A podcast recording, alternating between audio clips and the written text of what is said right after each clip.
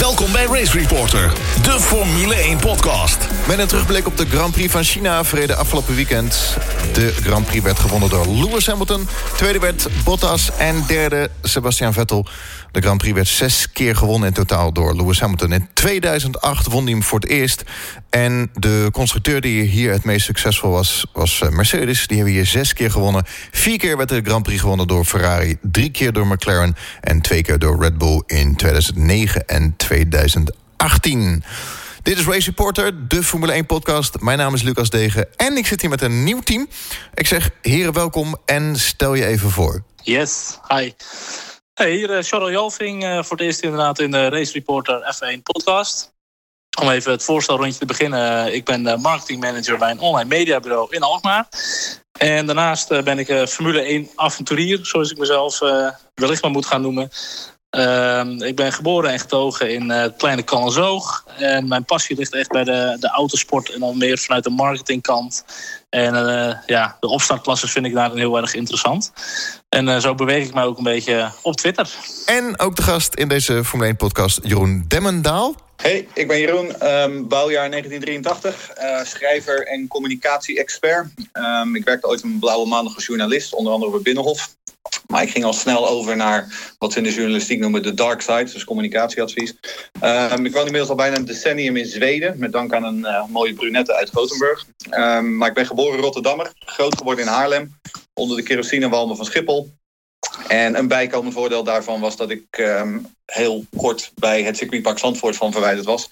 Um, en ik volg de autosport inmiddels al bijna 30 jaar, zou ik zeggen. Met uh, een extra focus op de Formule 1 en de IndyCars. En Twitter-koning Jimmy Ma Manna, onder de naam Jeroen S. Welkom. Stel je even voor, Jeroen. Ja, nou, ik ben dus uh, Jeroen Scholten, heet ik officieel. Geboren in 1971, dus ik ben al wat ouder dan jullie allemaal. En uh, ik volg de Formule 1 al sinds 1984. Uh, bij diverse races en zo aanwezig geweest. Uh, voor websites geschreven. En tegenwoordig inderdaad heel erg actief op Twitter. En vandaar dat ze nu zeggen dat ik een Twitterkoning ben. nou ja, ook goed. Oké, allemaal hartstikke welkom. Leuk dat jullie meedoen aan deze Race Reporter, de Formule 1 podcast. Oké, laten we uh, van wal gaan. Teamorders bij Ferrari. Ik geef jullie het podium. Teamorders bij Ferrari. Uh, uh, afgelopen weekend is dat niet helemaal goed uitgevoerd, naar mijn mening op zich. Voor het seizoen begon zei Binotto al dat, dat Vettel het voordeel zou krijgen bij Ferrari. Wat ik op zich begreep, want daarmee hou je Leclerc eigenlijk met die uitspraak houden ze Leclerc ook een beetje uit de wind, in de schaduw. En houden ze die enorme druk van Ferrari bij hem weg. dus dat begreep ik allemaal wel.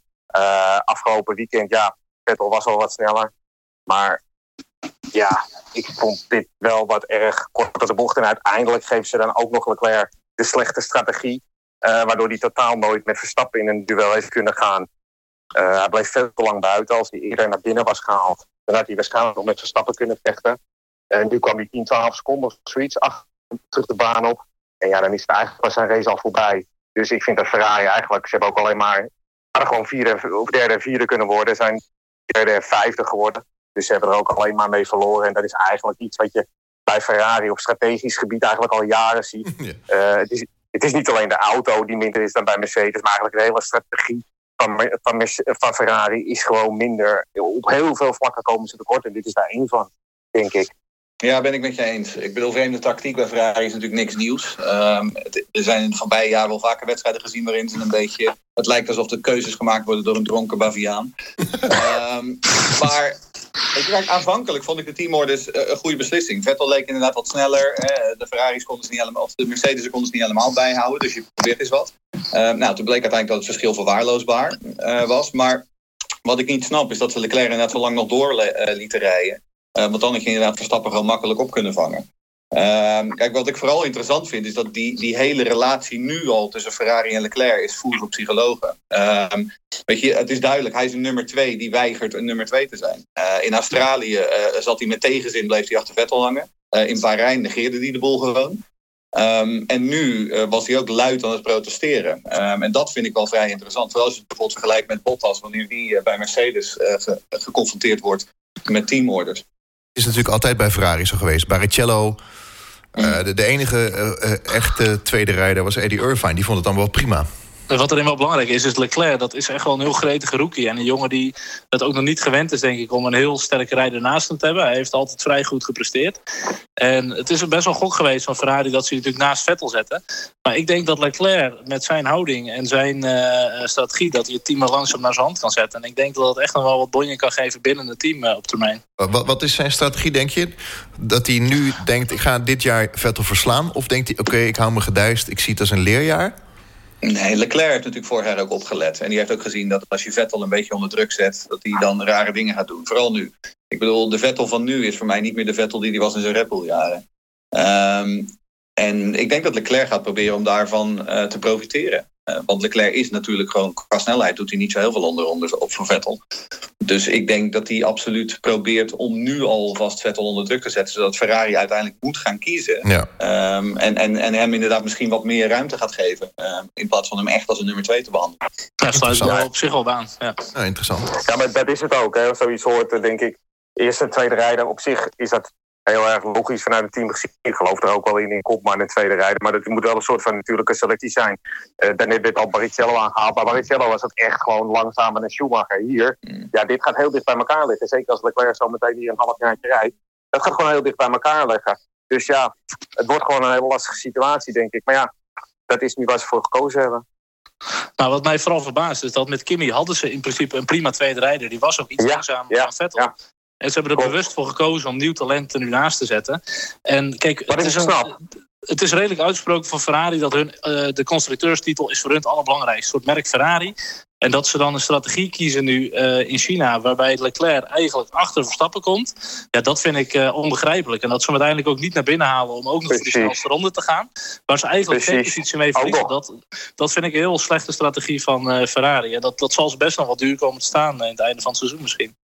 Ja, kijk, als je inderdaad uh, die switch doet en je laat Vettel voor Leclerc rijden. Leclerc had gewoon natuurlijk... Op Verstappen ging als eerste naar binnen, daarna ging Vettel meteen. En een ronde later had Leclerc al gemoet. En dan was hij waarschijnlijk twee, drie seconden achter Verstappen terug de baan op komen met een snellere auto. En had je gevecht gehad en nu heb je hem eigenlijk kansloos daarvoor gemaakt. En het heeft Ferrari gewoon punt gekost.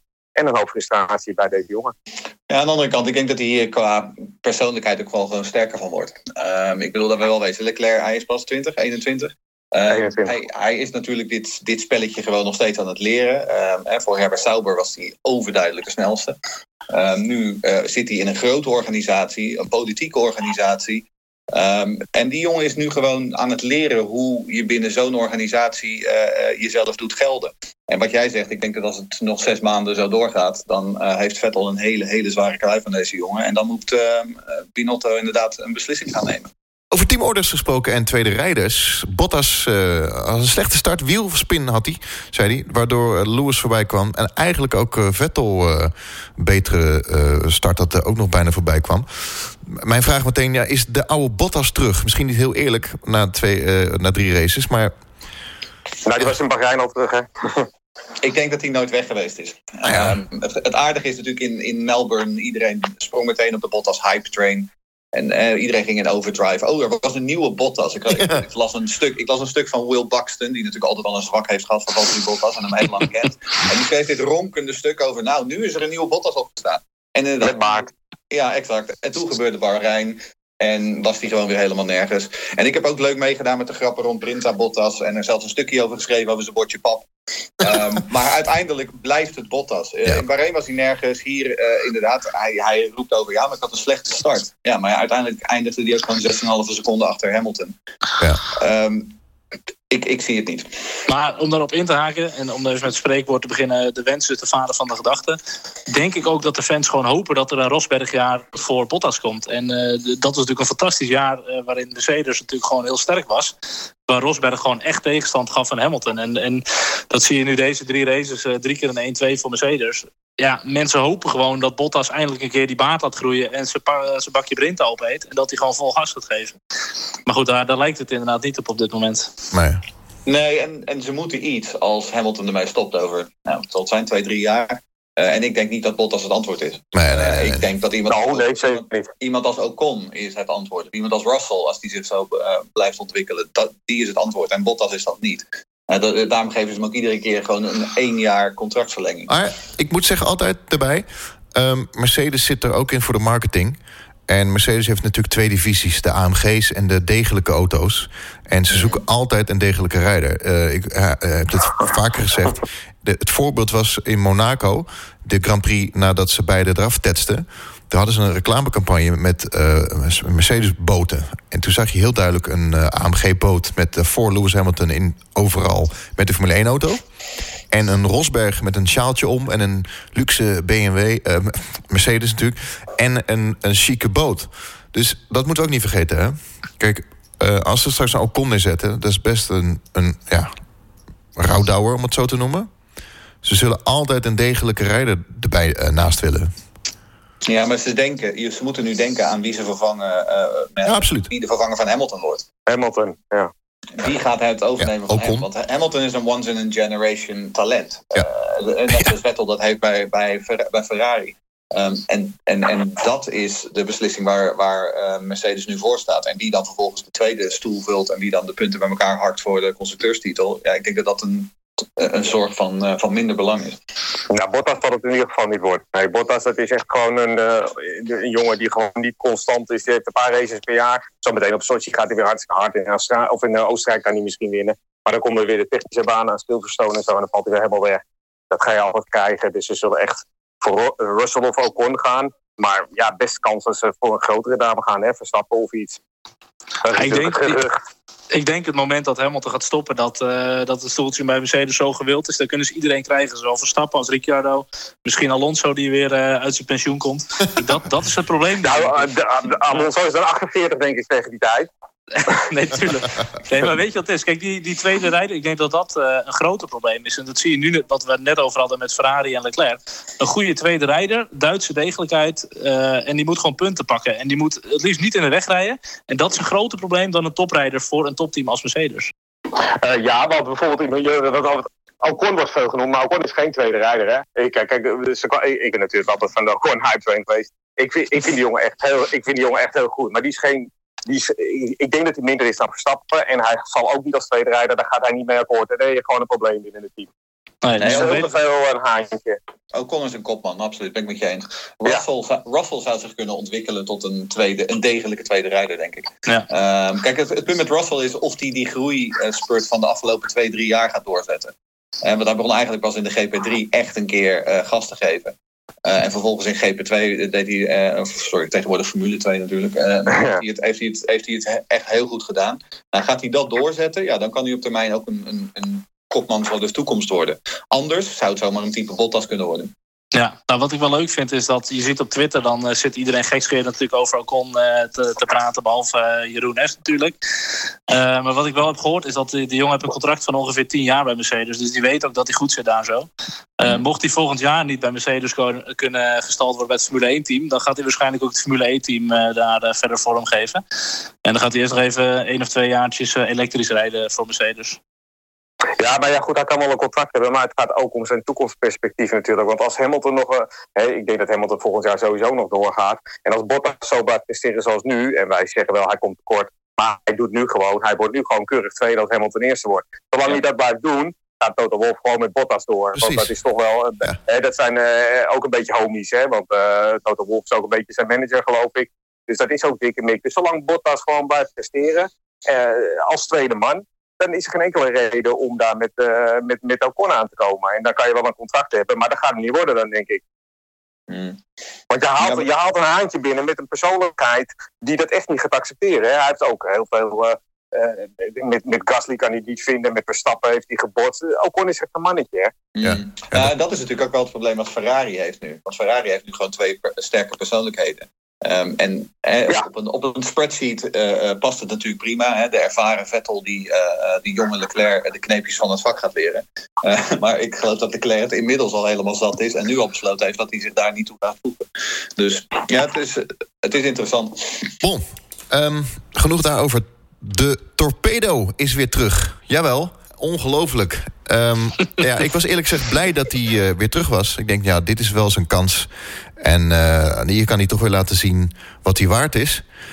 Uh, maar ja, toch weer in de eerste bocht weer een heel team uit, uit de race gerost. Nou ja, ze konden het rijden, maar... Ja, hij deed dat ook in Oostenrijk toen. Toen tikte hij ook een McLaren aan en die tikte volgens Ja. uh, Max Verstappen aan. Ik vond eerlijk gezegd dat die beste jongen gewoon pech had. Uh, en, dat, Ja? dat de straf voor dit incident erg overdreven was. was flauw. Wat hij, wat, hij doet, wat hij doet, is dat hij heel, heel, heel simpel, hij verliest de achterkant. Uh, De achterkant uh, springt weg. En wat hij daardoor Oh, dus mee doet, Ja. is inderdaad ja, dat hij, dat hij uh, Sainz of, of nee, Norris raakt. Ja, oké. Okay. Weet je, geef hem dan een tijdstraf. Maar om hem een drive-through te geven... Ik, ook niet. uh, ik vond het ik, vond, ik vond het ook heel gek, want je, eigenlijk krijg je het nooit. Hè. Je hebt heel vaak uh, nee. eerste ronde incidenten en bijna altijd wordt iedereen vrijgesproken van jongen, ga maar verder. En in dit geval, ja, weet je, het is zo'n druk veld daar. Je hebt een, een momentje aan je achterkant, je tikt even iemand aan. Dat gebeurt, weet je, laat het gaan. Ik vond het echt, ik vond het echt flauwekul, wel lullig van Norris verder. Maar die heeft dan ja. wel weer een fantastisch graaffilmpje geüpload daardoor, dus...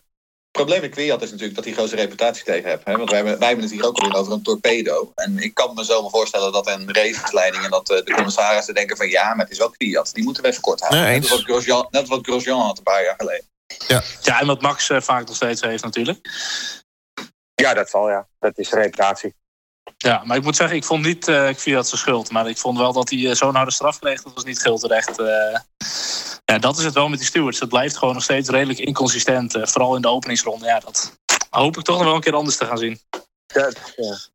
Ja. ja, ik niet verwacht, nee. Want flauw. Nee, ik, vind het, ik vind het veel serieuzer, eerlijk gezegd. Uh, want daar moeten we het natuurlijk gaan over hebben. Over het feit dat Gasly uh, nog steeds uh, in de verste verte niet, niet, niet meekomt in die Red Bull.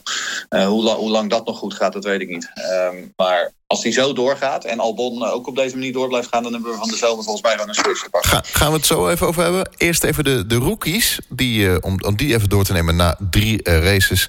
Norris, Russell, Giovinazzi en Albon. Albon werd uitgeroepen tot driver of the day.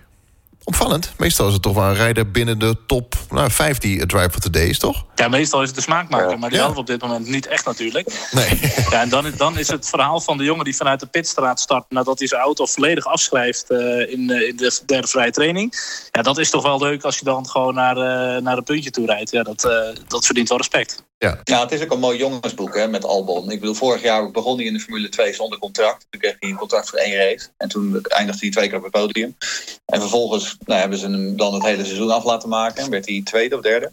Um, en wat, wat, wat, wat ik vooral interessant vind, is dat het vooral laat zien dat de Formule 2 als feeder series voor de Formule 1 gewoon goed werkt. Uh, wat, wat, natuurlijk in het verleden, wat natuurlijk in het verleden wel eens anders geweest is. Uh, ik bedoel, in 2012 won Valsecchi de titel en daarna won Fabio Leimer de titel. En die hebben we allebei nooit in de Formule 1 aangezien. Gelukkig niet. Um, gelukkig niet, inderdaad. Maar nu heb je Norris en Russell en Albon die alle drie um, uh, de, de, sprong naar de Formule 1 hebben kunnen maken. Uh, en dat ook alle drie gaan goed doen. Um, dus ik, ik, ik vind het hoopvol. Wie, wie is voor jullie de, aan het eind van het jaar, de, ja, dat is misschien nog veel te vroeg, maar jullie verwachting, wie is aan het eind van het jaar de Rookie of the Year? Norris. Want Russell die, uh, die is zeker zo goed als Norris. Ik denk misschien zelfs nog wel iets beter. Maar ja, die kan het niet laten zien. Want die, die rijdt echt in een uh, konijnenhok. Dat is echt helemaal niks. en ja, Giovinazzi is gewoon... Ja, in mijn ogen komt gewoon tekort. Is geen, is geen echt groot talent. En Albon... Ja, het is een beetje hetzelfde verhaal als met Gasly. Hè. Hij heeft altijd in die Red Bull school gezeten. Is op een gegeven moment uh, daar ook tekort geschoten. Ze hebben hem op een gegeven moment ook bedankt en weggestuurd. En nu weer teruggehaald. Ik heb toch zoiets van, ja, dat zijn niet echt de allergrootste talenten hè, die je wegstuurt tussendoor en dan maar weer terughaalt uit pure nood. Want de Red Bull School heeft momenteel niet zo heel veel talent. Mm. Uh, wat, wat licentiepunten genoeg heeft. Dus het is een maar... beetje uit nood teruggehaald. Ja, ik, geloof, ik, ik denk toch altijd, weet je, ze hebben hem niet voor niks weggestuurd in die tijd. Ze zouden... Maar Giovinazzi was in de Formule 2 oh, Russell of Norris nooit hebben weggestuurd tussendoor. Maar Giovinazzi nee. was in de Formule 2 wel echt heel goed. Um, en Giovinazzi is ook... Het is hij is 25. Het is, ja, maar het is een goede racer. En ik zou, ik zou hem graag uh, ook een keer een weekend willen zien waarin hij geen technische problemen heeft. Uh, want dat ja. is nou natuurlijk ook gewoon wel een kwestie. Ik bedoel, hij miste de hele, uh, de, een, van de, een van de hele vrijdag trainingen. omdat die auto ging. Um, dus weet je, ik, ik, ik ben geneigd om hem nog wat langer de tijd te geven. Um, maar eerlijk dat sowieso. hij heeft natuurlijk wel een, een maatstaf in Rijkonen waar je u tegen zegt. en ja. Rijkonen doet het op dit moment gewoon uitstekend. ik bedoel, die, die rijdt als nooit tevoren, bij, zou ik bijna willen zeggen. Ja, daar ben ik wel met je eens. Maar Rijkonen is natuurlijk een hartstikke goede rijder. Een hele goede, degelijke rijder. Maar dat is natuurlijk ook wel een rijder waar, waar je je naast kan laten zien. Hè? Want Rijkonen rijdt geen rondetijders die, die Vettel of Hamilton of Verstappen kunnen rijden. Rijkonen is wel een, is gewoon een goede coureur. Maar als, als je echt goed bent, dan moet je toch wel, nou, na, na, ja, moet je toch wel binnen afzienbare tijd een beetje eh, competitief met hem kunnen zijn in ieder geval. Ja, als je echt een goed talent bent. Rijkoon is nog gewoon sterk inderdaad als coureur. Maar hij is natuurlijk wel een beetje op Hij de is tour, 40. Ja, Ja, weet je wel. En Hij de, is de, fles 40, hij is- drank, de, de, de fles drank rolt net niet uit zijn auto, zeg maar. Dat, Nee. gaat allemaal goed. Dat, gaat- gaan we het ook niet over het er hebben. niet over hebben. Nee, maar, nee, maar weet je wat het is? Kijk, dus voor Giovinazzi is het een goede, goede leerschool naast Kimi. En hij, hij is geen volledige rookie, want er zijn er net al drie rookies. Het zijn er natuurlijk eigenlijk een beetje vier. Eh, maar hij is, Ja. Giovinazzi is eigenlijk al iets te oud, vind ik. En eh, eh, Italiaans Ja. bij eh, Alfa Romeo, we gaan het gewoon nog even afwachten. Albon, wat hem ziet, vind ik zijn bescheidenheid. Eh, hij loopt niet te hoog van de daken te schreeuwen. Hij doet gewoon zijn ding. Een vriendelijke glimlach. En hij stapt gewoon in. En hij heeft best wel een mooi tempo in die Toro Rosso. Ja, Lando Mm. Norris is gewoon echt een jongen. Dat is echt de, de nieuwe generatie. Weet je wel? Dat zijn gewoon de Max Verstappers. Eh, de jongens die online racen. De jongens die eh, lekker op social media aan het lollen zijn en aan het rollen. Ja, en da- daar zie ik heel veel in. En Russell, ja, die rijdt inderdaad gewoon in, eh, in een konijnenhok. Naast een Kubica, ja, die moet hij toch gewoon eigenlijk kunnen oprollen. En die En valt dat in doet hij opzicht- Dat doet hij ja, ook, dat, dat gaat wel, maar Dat doet Ja, hij ook. Het moet bedoel, in, de eh, kwalificatie, in de kwalificatie zitten ze dicht bij elkaar. Maar als je volgens in de race ziet... Ik bedoel, Kubica eindigt er gewoon 20 seconden achter. Dat is, toch, dat is toch die man die spinde tijdens de opwarmronde?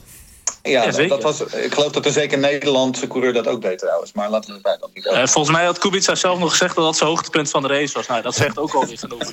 Ja, het, is, het is ook een Coulthard uitgebeurd in Monza trouwens. Mm. Het overkomt de beste blijkbaar. Ja, en Roberto Guerrero die startte ooit van pole position in de Indy 500. En die eh, eh, parkeerde hem nog voordat de start eh, ging ook eh, in de vangrail. Door een Ja. eh, in de opwarmronde. Nou, dus wat dat betreft... zal ik, het kan wel, zal ik er geen grap over maken. Race Reporter, de Formule 1 podcast. Racereporter.nl Hey, ik ben heel erg van de complottheorieën. Dus eh, ik niet. nou, maak Ik je, geloof niks. maak je borsten maar nat. Ehm, wat nou als Mercedes op een gegeven moment denkt... joh, we hebben alles gewonnen, we kappen ermee. We stoppen er gewoon mee. Dat kan. Dat is geen complot. Het zou mij niks verbazen namelijk. Mij ook niet. Oké, nou dan kunnen we verder naar het volgende. nee, Nee, maar weet je wat je zegt? Ze hebben alles gewonnen. Ze, ze winnen alles wat te winnen valt in de Formule 1. Ehm, ze zijn overduidelijk eh, eh, ook aan het investeren in de Formule I. Ja. Eh, als je kijkt naar hun, ehm, hun, hun auto-programma, wat ze nu aan het, aan het uitrollen zijn, daar zitten ook heel veel elektrische auto's tussen. Dus ja, het zou mij niet verbazen als ze er inderdaad binnen nu en een paar jaar eh, zeggen van we stoppen ermee. Aan de andere kant, hetzelfde geldt voor Red Bull. Ja. Ehm, eh, Red Bull is geen autofabrikant, dus ze hebben geen primaire reden om in de Formule 1 te zitten daarvoor. Ehm hun talentpool, wat, wat Jimmy eerder al meldt, eh, die is aan het opdrogen. Ehm, dus als Honda of dit of komend seizoen niet echt eh, levert eh, en ze echt daadwerkelijk aan de top brengt, dan zie ik ze de pijp aan Maarten geven en de tent verkopen. Ja, aan Honda misschien. Bijvoorbeeld. Dat Ja, zou zomaar kunnen natuurlijk.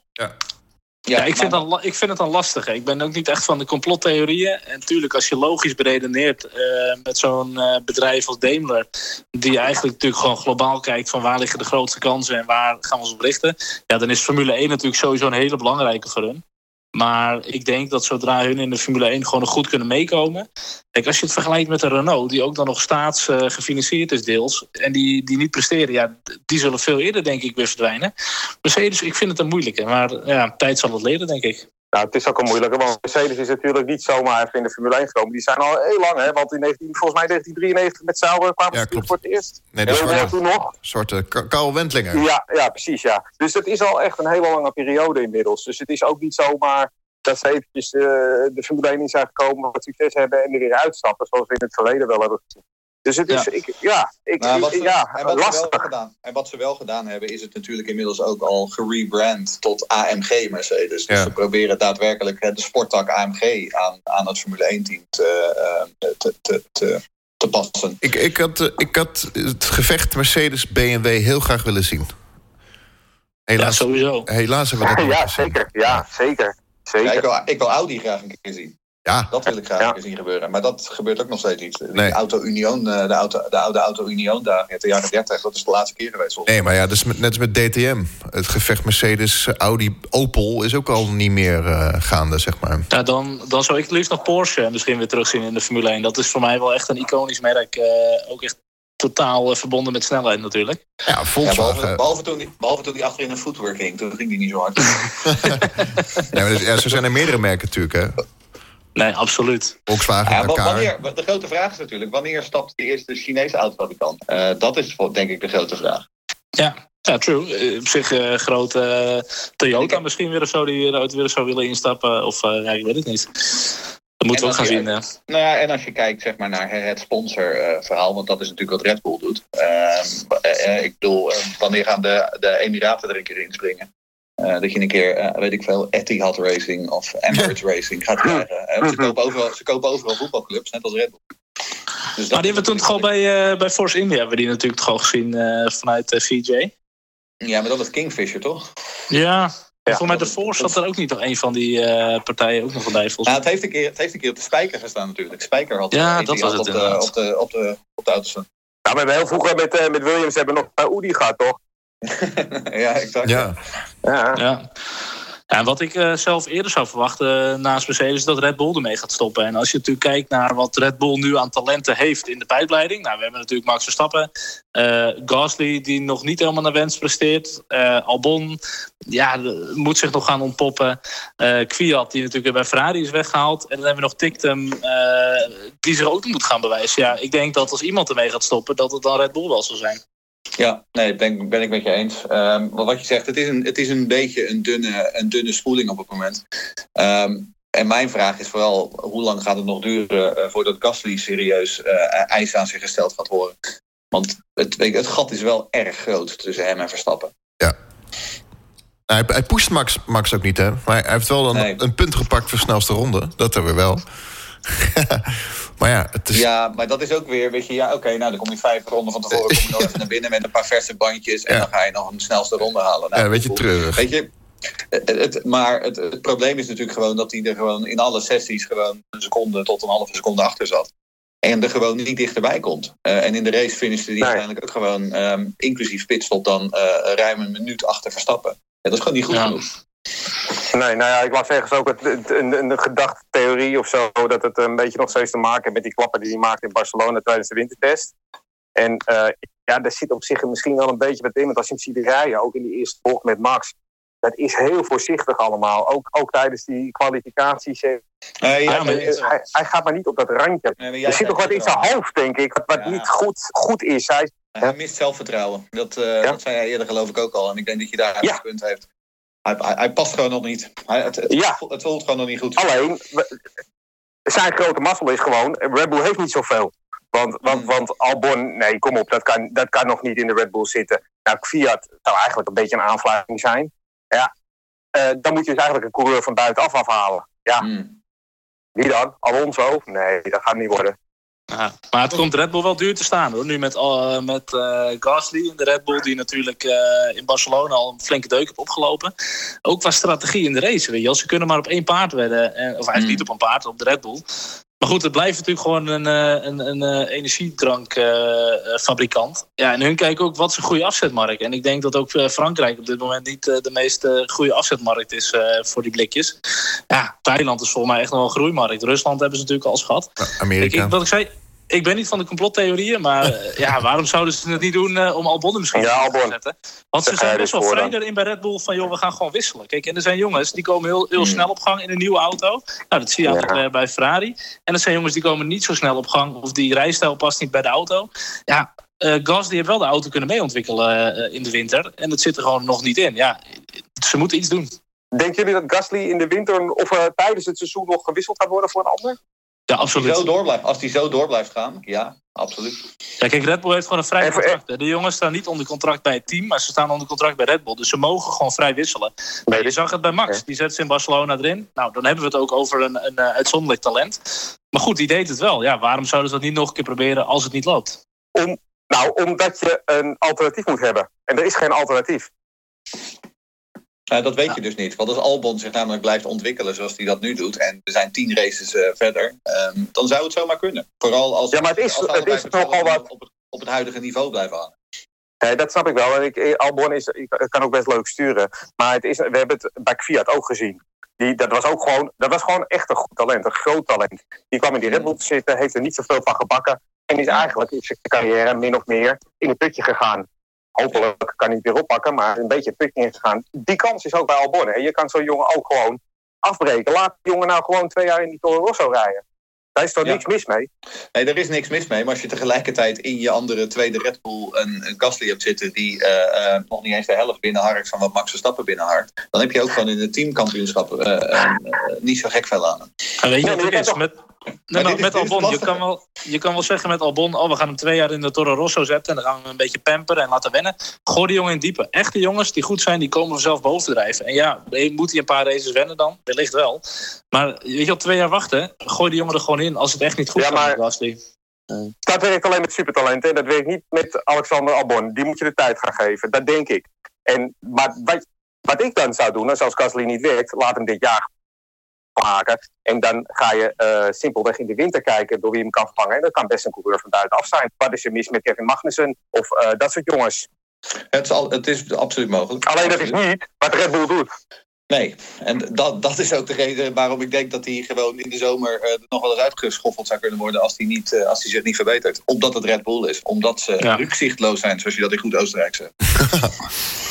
Ja, maar ja, het is ook een beetje een kwestie van noodbreekt met de grootste talenten. Die zitten bij Mercedes, met Russell. En die zitten bij McLaren, met Norris. En eh, Red Bull heeft een beetje misgegrepen in de, in de lichting net onder Verstappen. Eh, Saints hebben nu ze laten 18 ne- wat- Ja, Saints ze laten gaan. Maar wat nu een beetje 18, 19 jaar is. Ja, volgens mij hebben ze, ze hebben Yuri Vips geloof ik nog. En, en eh, die, die zoon van Mick Doohan hebben ze. Maar dat, dat zijn nog geen jongens die in de buurt zijn van Formule 1. Dus ze Ja. hebben daar gewoon een gat. Nou, dan zou je tijdelijk misschien een coureur buitenaf moeten, op, eh, moeten aantrekken. Maar ze hadden ook, wat we net al zeggen, we- destijds een luxe eh, positie. hadden te veel talent. Ze konden, ze konden niet eens schuiven. Ja, en nu, nu eh, ze Ja, niks maar meer. ook daar, weer, ook daar weer. Ik bedoel, dat was ook al een hoop middelmaat. Want was Jaime Alguersuari nou echt een potentiële wereldkampioen? Was Sebastian Buemi een potentiële Nee, nee, ik heb het over- ik wereldkampioen? heb je, Saints, Ricardo, Ja, dat snap Max. ik wel. Ja. Oh, je, je zit altijd later in het, eh, later in het, eh, in het verhaal. Ja, oké. Ja, Verstappen is geen echte Red Bull junior geweest, hè. Die is gewoon gehaald. Mm. Maar goed, eh, dan gaan we misschien wat meer in de hoek van Jeroen D. zitten. Ik hoorde net al even tussendoor eh, de, de, de Hollandse knaap Rinus Wieke, die in Amerika aan het stunt is. Ja. Die Ja. natuurlijk ook in, in Azië in een winterserie meereed. En die reed gewoon even, tikte hem gewoon even, stond voor zijn ogen reed. Ja, kijk, ik denk niet dat hij snel naar Europa zou willen, eh, Rinus Wieke. Maar goed, Nee, kijk, het is wel een Rinus, ja, Rinus heeft heel duidelijk ervoor gekozen om de Amerikaanse route te kiezen. Ehm, en ik snap hem. Eh, en ik denk dat hij het daar absoluut eh, eh, kan maken en een groot succes kan worden. Maar goed, hij zei onlangs geloof ik ook in het Formule 1 café... als Red Bull belt, dan zeg ik geen nee. Nou, ja, wie weet. Nou, misschien moeten we eens even het nummer doorgeven. Zullen we een mooi bruggetje maken naar Max? Nou, ik ben onder de indruk. Ehm, ik bedoel, een jaar geleden, ik schreef dat ook al op Twitter dit weekend. Een jaar geleden ehm, was het allemaal frustratie en maakte hij er gewoon een potje van. Ehm, dat, iets wat hij ook later in het seizoen zelf heeft toegegeven, dat hij gewoon eh, worstelde. En als je hem nu ziet, hij is een toonbeeld van eh, consistentie. Eh, hij haalt het maximale uit iedere race. Ik, ik ben heel erg onder de indruk. Eh, hij, is, hij is nog steeds aan het groeien als, als, eh, als coureur. Want snel was hij altijd al, maar ehm, weet je, tussen de oren zit het goed. Nou, ik kreeg een compliment hè, van het team. Ja. En, en hij weet je, het Verstappen, hè, er, is natuurlijk een Verstappen-gen, eh, wat, wat een beetje het korte lontje is. En dat had zijn vader had dat al. Ehm, ik heb Max altijd al een betere versie van zijn vader gevonden wat dat betreft. Ook, ook op dat vlak. Ja. Ehm, Ja. En hij wordt alsmaar beter. Eh, hij weet gewoon zijn, zijn, ehm, zijn emoties steeds beter in bedwang te houden. Nou, ja, hij heeft natuurlijk ook geleerd van Brazilië, hè? Ja. Kijk, Ocon tikte hem eraf. En ik, ik was redelijk pissig op de reactie van Lewis Hamilton. Maar achteraf denk ik, ja, Lewis had wel gelijk. En als je die herhaling honderd keer terugziet, denk je, ja, had hij even gelift? Ja. Nou, maar dat zag je wel heel goed in Australië. Want daar zag je, vond ik in ieder geval, dat Verstappen inderdaad volwassen is geworden. Bij die move buitenom bij eh, Vettel. Daar laat hij Mm. heel veel ruimte voor Vettel. Dat is een hele veilige move. Want je gaat natuurlijk aan de buitenkant heb je altijd het risico dat je eraf ge- Ja. getest wordt. Maar hij gaf daar heel erg, eh, heel erg veel ruimte. En eh, dat heeft hij in eergaande eerdere situaties heeft hij nog wel eens geknepen. En dat deed hij, deed hij heel goed, heel veilig, eh, zonder, zonder risico. En daar zie je echt wel dat hij gegroeid is.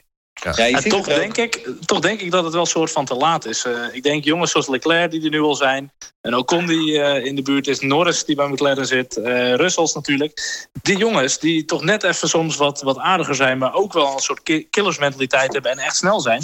Die gaan hem gewoon voor zijn bij de, bij de andere topzitjes. Weet je wel. En hij zit op een gegeven moment klem bij Red Bull. En dan ga je een beetje het Alonso-verhaal krijgen bij Ferrari. Eh, je zit bij een topteam. Maar niet een kampioenschapswagen. Ja, maar dat weet je En nooit. welk team, welk team kan Max nou nog gaan overnemen? Want Max kan in theorie niet naast heel veel goede jongens rijden. Eh naast Sainz willen we natuurlijk niet meer hebben. Maar goed, de gevestigde orde wil ook Max Verstappen niet naast hem hebben. En dat kan nog best wel eens tegen hem gaan keren, hoor, denk ik. Ik vind dat... Ja, dat kan. Maar de andere kant moeten die andere jongens dat nog maar laten zien, hè? Ik wil zeggen, ik vind het iets te pessimistisch. Ehm, ik denk dat hij, omdat hij, eh, hij is zo spectaculair. ehm, hij is natuurlijk eh, marketingtechnisch heel erg interessant. eh, gewoon puur door zijn persoonlijkheid. En eh, door wat hij af en toe op de baan laat zien. Ehm, ik denk dat hij, weet je, als, als, als bij Mercedes Hamilton eh, besluit om de boel, ehm, eh, eh, de boel te laten. En, en Hamilton ehm, moet opgevolgd worden bij Mercedes. Dan denk ik dat Max de eerste kandidaat is. Maar wilt een merk als Mercedes eh, Max Verstappen in de auto hebben, denk je? Absoluut, absoluut. Mercedes, Ja? wil, absoluut. Mercedes wil ook graag een jonger, En dus AMG. een jonger imago eh, aanmeten. AMG, eh, daarom zei ik het ook. Het, is, het is en blijft marketing, hè. Het, is... Ze hebben ooit eens gezegd bij Red Bull... willen eh, Fernando Alonso niet, want hij past niet binnen onze filosofie. Toen dacht ik, huh, waar heb je? Hij is goed. Maar er zit veel meer achter dan alleen maar die punten binnenhalen. Ja, sure. Maar ik bedoel, dit is weer de hele discussie vorig jaar van Brazilië. hè. Dat, dat, dat duwtje op Ocon. Ehm, en daar kreeg hij dan vervolgens een, van de FIA kreeg hij daar dan eh, gezeur mee en moest hij een taakstraf uit gaan voeren. Ja. Maar de FOM gebruikt het in al zijn marketing. Omdat het In natuurlijk zo'n spektakel is. Ja, en wat ik nog wel even wilde zeggen, ik begrijp me niet verkeerd. hoor. Als iemand overtuigd is van de snelheid en, en het talent van Max, dan ben ik het wel. Maar toch, als ze teams kunnen kiezen tussen echt twee heel goede rijders... en eentje past toch beter bij de filosofie van de marketing achter het bedrijf... Ja, dan Hmm. kan het hem toch duur komen te staan. Maar goed, dat moet ook de tijd leren, denk ik. En Max wordt wel rustiger, hoor. Maar ja, we gaan het wel zien. Maar weet je, is, is, maar is iemand als Ocon of iemand als Russell nou zoveel meer marketable dan Max Verstappen? Ik, ik geloof daar niet in. Ik denk dat die, weet je, als, als het daarop aankomt, dan denk ik dat Max gewoon puur op zijn rijderstalent eh, die twee af- misschien, misschien de jongens die bij Norris en Leclerc heb ik in dat opzicht echt heel hoog zitten. En ook qua Hmm. teamplayers, eh, Leclerc is daar echt denk ik wel een, een perfect voorbeeld van. Eh, weet je wel, hij, heeft, eh, hij wil niet verliezen, hij heeft een winnaarsmentaliteit. Maar als hij verliest, dan toont hij zich zo sterk. En dat zag je ook al na China afgelopen weekend. Eh, eh, hij gaat niet meteen in de media alles vertellen en, en eh, weet je wel, stoom afblazen. Eh, dat, dat doet hij binnenskamers, zeg maar. Vinden Ja. wij dat leuk? Nee, natuurlijk vinden we dat niet leuk. Maar voor een merk eh, heb je liever iemand die even één seconde eh, eh, wat nuanceert, zeg maar, en wat, wat inhoudt, zeg maar. True. Aan de andere kant wil je ook gewoon eh, headlines en je wil ook gewoon in de aandacht staan. En het punt is wel dat Verstappen gewoon een aandachtsmagneet is. Maar ik vond, Zeker, ik vond, ik zeker vond zijn reactie na de kwalificatie wel heel, heel veelzeggend. Ja, ik wil zijn eerste reactie, eh, 20 minuten nadat hij uit die auto kwam, was: Het is allemaal de fout van Renault en Vettel. En een uur later was het: Ja, eigenlijk hadden we gewoon 30 seconden eerder de, de baan op moeten gaan. Dus Ja. ik- hij, leert, hij leert nog steeds en hij wordt nog steeds beter. En laten we ook niet vergeten: joh, die is ook pas 2021. Dus ik bedoel, weet je, ik, ik, ik, heb, ik heb er goede hoop in dat het eh, alleen nog maar beter wordt. Ja, mee eens. Eh, daar zijn we denk ik allemaal over eens.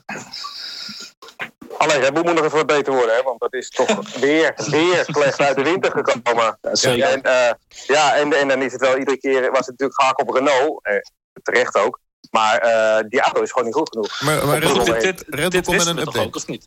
Red Bull komt met Kijk, een voor mij update. is, Ja, Bull, met een update, ja. Maar Red Bull staat er ook wel onbekend dat ze beginnen met een redelijk eh, kale auto. eh, zodat de basis setup gewoon goed is. En tuurlijk, dat is vaak in Australië en de race daarna. Maar zij bouwen het langzaam op. Ze hebben zoveel in die pijpleiding zitten. Elke race komen ze met updates. Ja, maar dat is een Ehm, beetje gek, toch? Nee, het is niet gek. Hun willen zorgen dat die basis van de auto gewoon goed is. Kijk, er zijn teams die hebben in Australië hebben ze al het volledige pakket erop. Die slaan de plank mis. En dan moeten ze gaan zoeken naar de oplossing. En bij Red Bull Ja, maar gaan welk team, welk, de Red Bull slaat op de plan mis. Want, want Hamilton heeft nu al 30 punten voorsprong op Verstappen. Hoe ga je dat ooit nog, hoe ga je dat ooit nog terugpakken? Dat kan alleen maar doordat je niet een gelijkwaardige auto hebt, maar een dominante auto. Dus die moet je nu in de loop van die, dit seizoen, en dat gaat echt nog niet binnen twee, drie races gebeuren, dus die achterstand gaat oplopen, moet je dat weer goed zien te draaien. En maar weet je, het ze wisten dat dit jaar een bouwjaar is. Kijk, ze hebben Honda voor het eerst erin Ja. Die motor die schroeft ze niet meteen open. Weet je wel. In eh, eh, Australië was hij bij wijze van voor 70% werd hij opgeschroefd, weet ik het wat. Maar niet volledig. En dat is ook het aero-package van Red Bull. Die gaan ze uitbreiden. Baku hebben ze echt een volledige upgrade om die rechte lijnsnelheid te gaan verbeteren. Hun zorgen dat basispakket moet gewoon goed zijn. Hun willen niet dat je halverwege het seizoen nog loopt eh, te klooien. Dat je niet weet eh, waar de, de setter vandaan komt als je de verkeerde richting in gaat, zeg maar. Zij zijn er gewoon echt heel goed in. En volgend jaar, dat moet het jaar zijn dat ze echt gaan oogsten, zeg maar.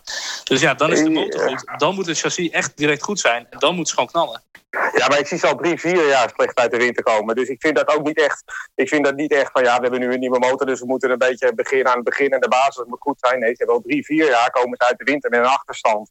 En al drie, Hmm. vier jaar Ja, maar kijk naar Ferrari. sta je op een achterstand. En dan ga je pas doorontwikkelen, dan kom je pas op gelijke hoogte. Wat is er dan met Ferrari? Nou ja, eh, die hebben ook al lang niet meer gewonnen natuurlijk. En dus, dat is ook een groot team, dik, dik budget. Ik bedoel, het, het is Ja, Formule 1, het is niet. Ja, nee, oké, dat klopt. Nee, maar ik denk dat Red Bull nu meer wint met een betere rijder dan dat ze eh, die upgrades er al meteen opzetten. En ook een kans dat ze de plank misslaan, zeg maar. Kijk, het blijft een bouwjaar. En als, als hij nu kan meestrijden om overwinningen, dan zijn hun targets echt al gehaald hoor, bij Red Bull en Honda. Ja, dat is waar. La- laten we heel even kijken naar de, naar de stand inderdaad. Want als we daar naar kijken, dan is het wel al... Ja, het mag het natuurlijk niet al zeggen... het is, vier jaar is eh, al gespeeld... maar Mercedes 130 punten, Ferrari 73 en Red Bull 52. Ik bedoel, het zegt wel wat natuurlijk. Of het zegt niks, maar ja... 130 Ja, het zegt punten. wel. Nee, dat zegt heel veel. Ja. Dat, dat, dat, eh, ja, Het zijn wel de kaarten die op tafel liggen. Maar Ja, en, de- en de- dat, dat zeg ik. Het is een trend. Hè. Het is een trend van de afgelopen jaren. Red Bull komt altijd slecht uit die, uit die winter. En dat is gewoon, eh, vind ik, wel zorgwekkend. En ik durf niet zomaar even te zeggen dat het volgend jaar anders zou zijn. En meestal zien we halverwege het seizoen een ommekeer. Eh, niet- ja, maar dat is al laat, hè? ja, precies. En maar, kijk, weet je, het is. En maar de, de, deze banen zijn ook geen Red Bull banen. Hè? Gasly moet ook nog op gang komen. Die jongen die heeft nu volgens mij 13 punten binnengehaald of zo. Ja, Eh, vorig die jaar had- wonnen ze, hè, China. Nee, tuurlijk. Maar de, het zijn van origine niet direct Red Bull banen. En die komen nog. Weet je wel. Monaco, Barcelona doen ze het altijd goed. Singapore, Mexico wint Max. eh, eh, eh, dus weet je, de goede banen komen nog. Dus ik weet ik- ook wel dat hun die strategie gaan spreiden.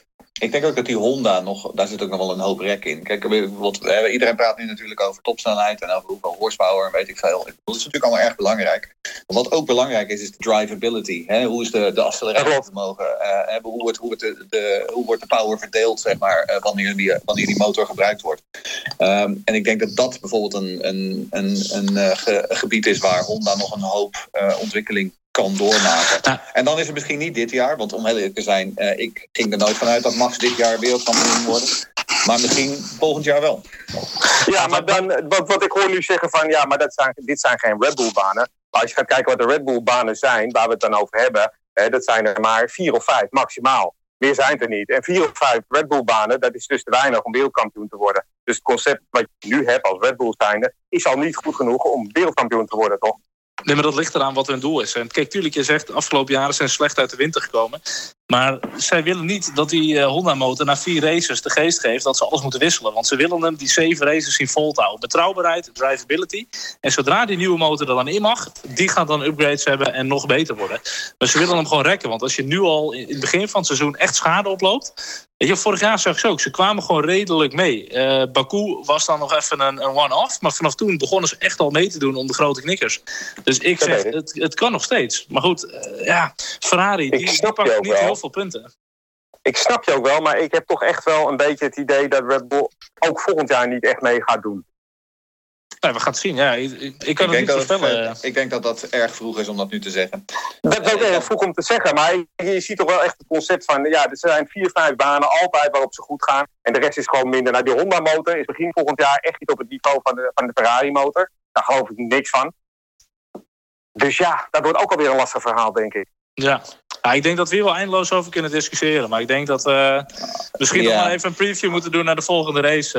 Want dan, weet je, drie races, daar kunnen we wel wat conclusies uit halen. Maar het is denk ik ook nog te vroeg om daar echt eh, heel lang over door te gaan. Zou je denken? Zeker. Volgende race de Grand Prix van Azerbeidzjan, Baku, City Circuit, 28 april om tien over twee in de middag. En eh, daar het eerste jaar was niet een hele spectaculaire Grand Prix. Werd gewonnen door Daniel Ricciardo. Vorig jaar was een te gekke Grand Prix met natuurlijk dat gevecht tussen beide Red Bulls. Ehm, ja, ik moet eerlijk toegeven... ik vond het niet zo erg dat ze allebei van de baan klapten... want ik vond het wel weer even lekker reuring. Ik vond het een mooi gevecht. Ik heb een mooie race gezien. En dit was ook de Grand Prix waar uh, Vettel opzettelijk tegen Lubers aanreed... tijdens de safety car, weet je nog? Ja, en waar Eriksson uh, Grosjean van de baan reed, weet je nog? Ja, Ja, dat was- jaar, ja. Ja, dat is een schande dat hij dat deed. Dat was eh, overduidelijk zijn Ja, maar dat van, dat van Vettel was 2017, hè? Ja, ja, Oh, nee, absoluut. weet ik het. klopt. Maar het is wel de historie eh, van Baku natuurlijk. Ja. eh, met Vettel die daar ook heeft. Oh, dat wel, ja. Eh, Vettel die Ja, oh, sorry. heel Ja, goed, nee, ja. Dus Ja, eh, laten we hopen op een mooie Grand Prix. De komende Grand Prix dus 28 april. Heren, mag ik jullie bedanken voor jullie tijd en aandacht. Dankjewel. Absoluut. En gedaan.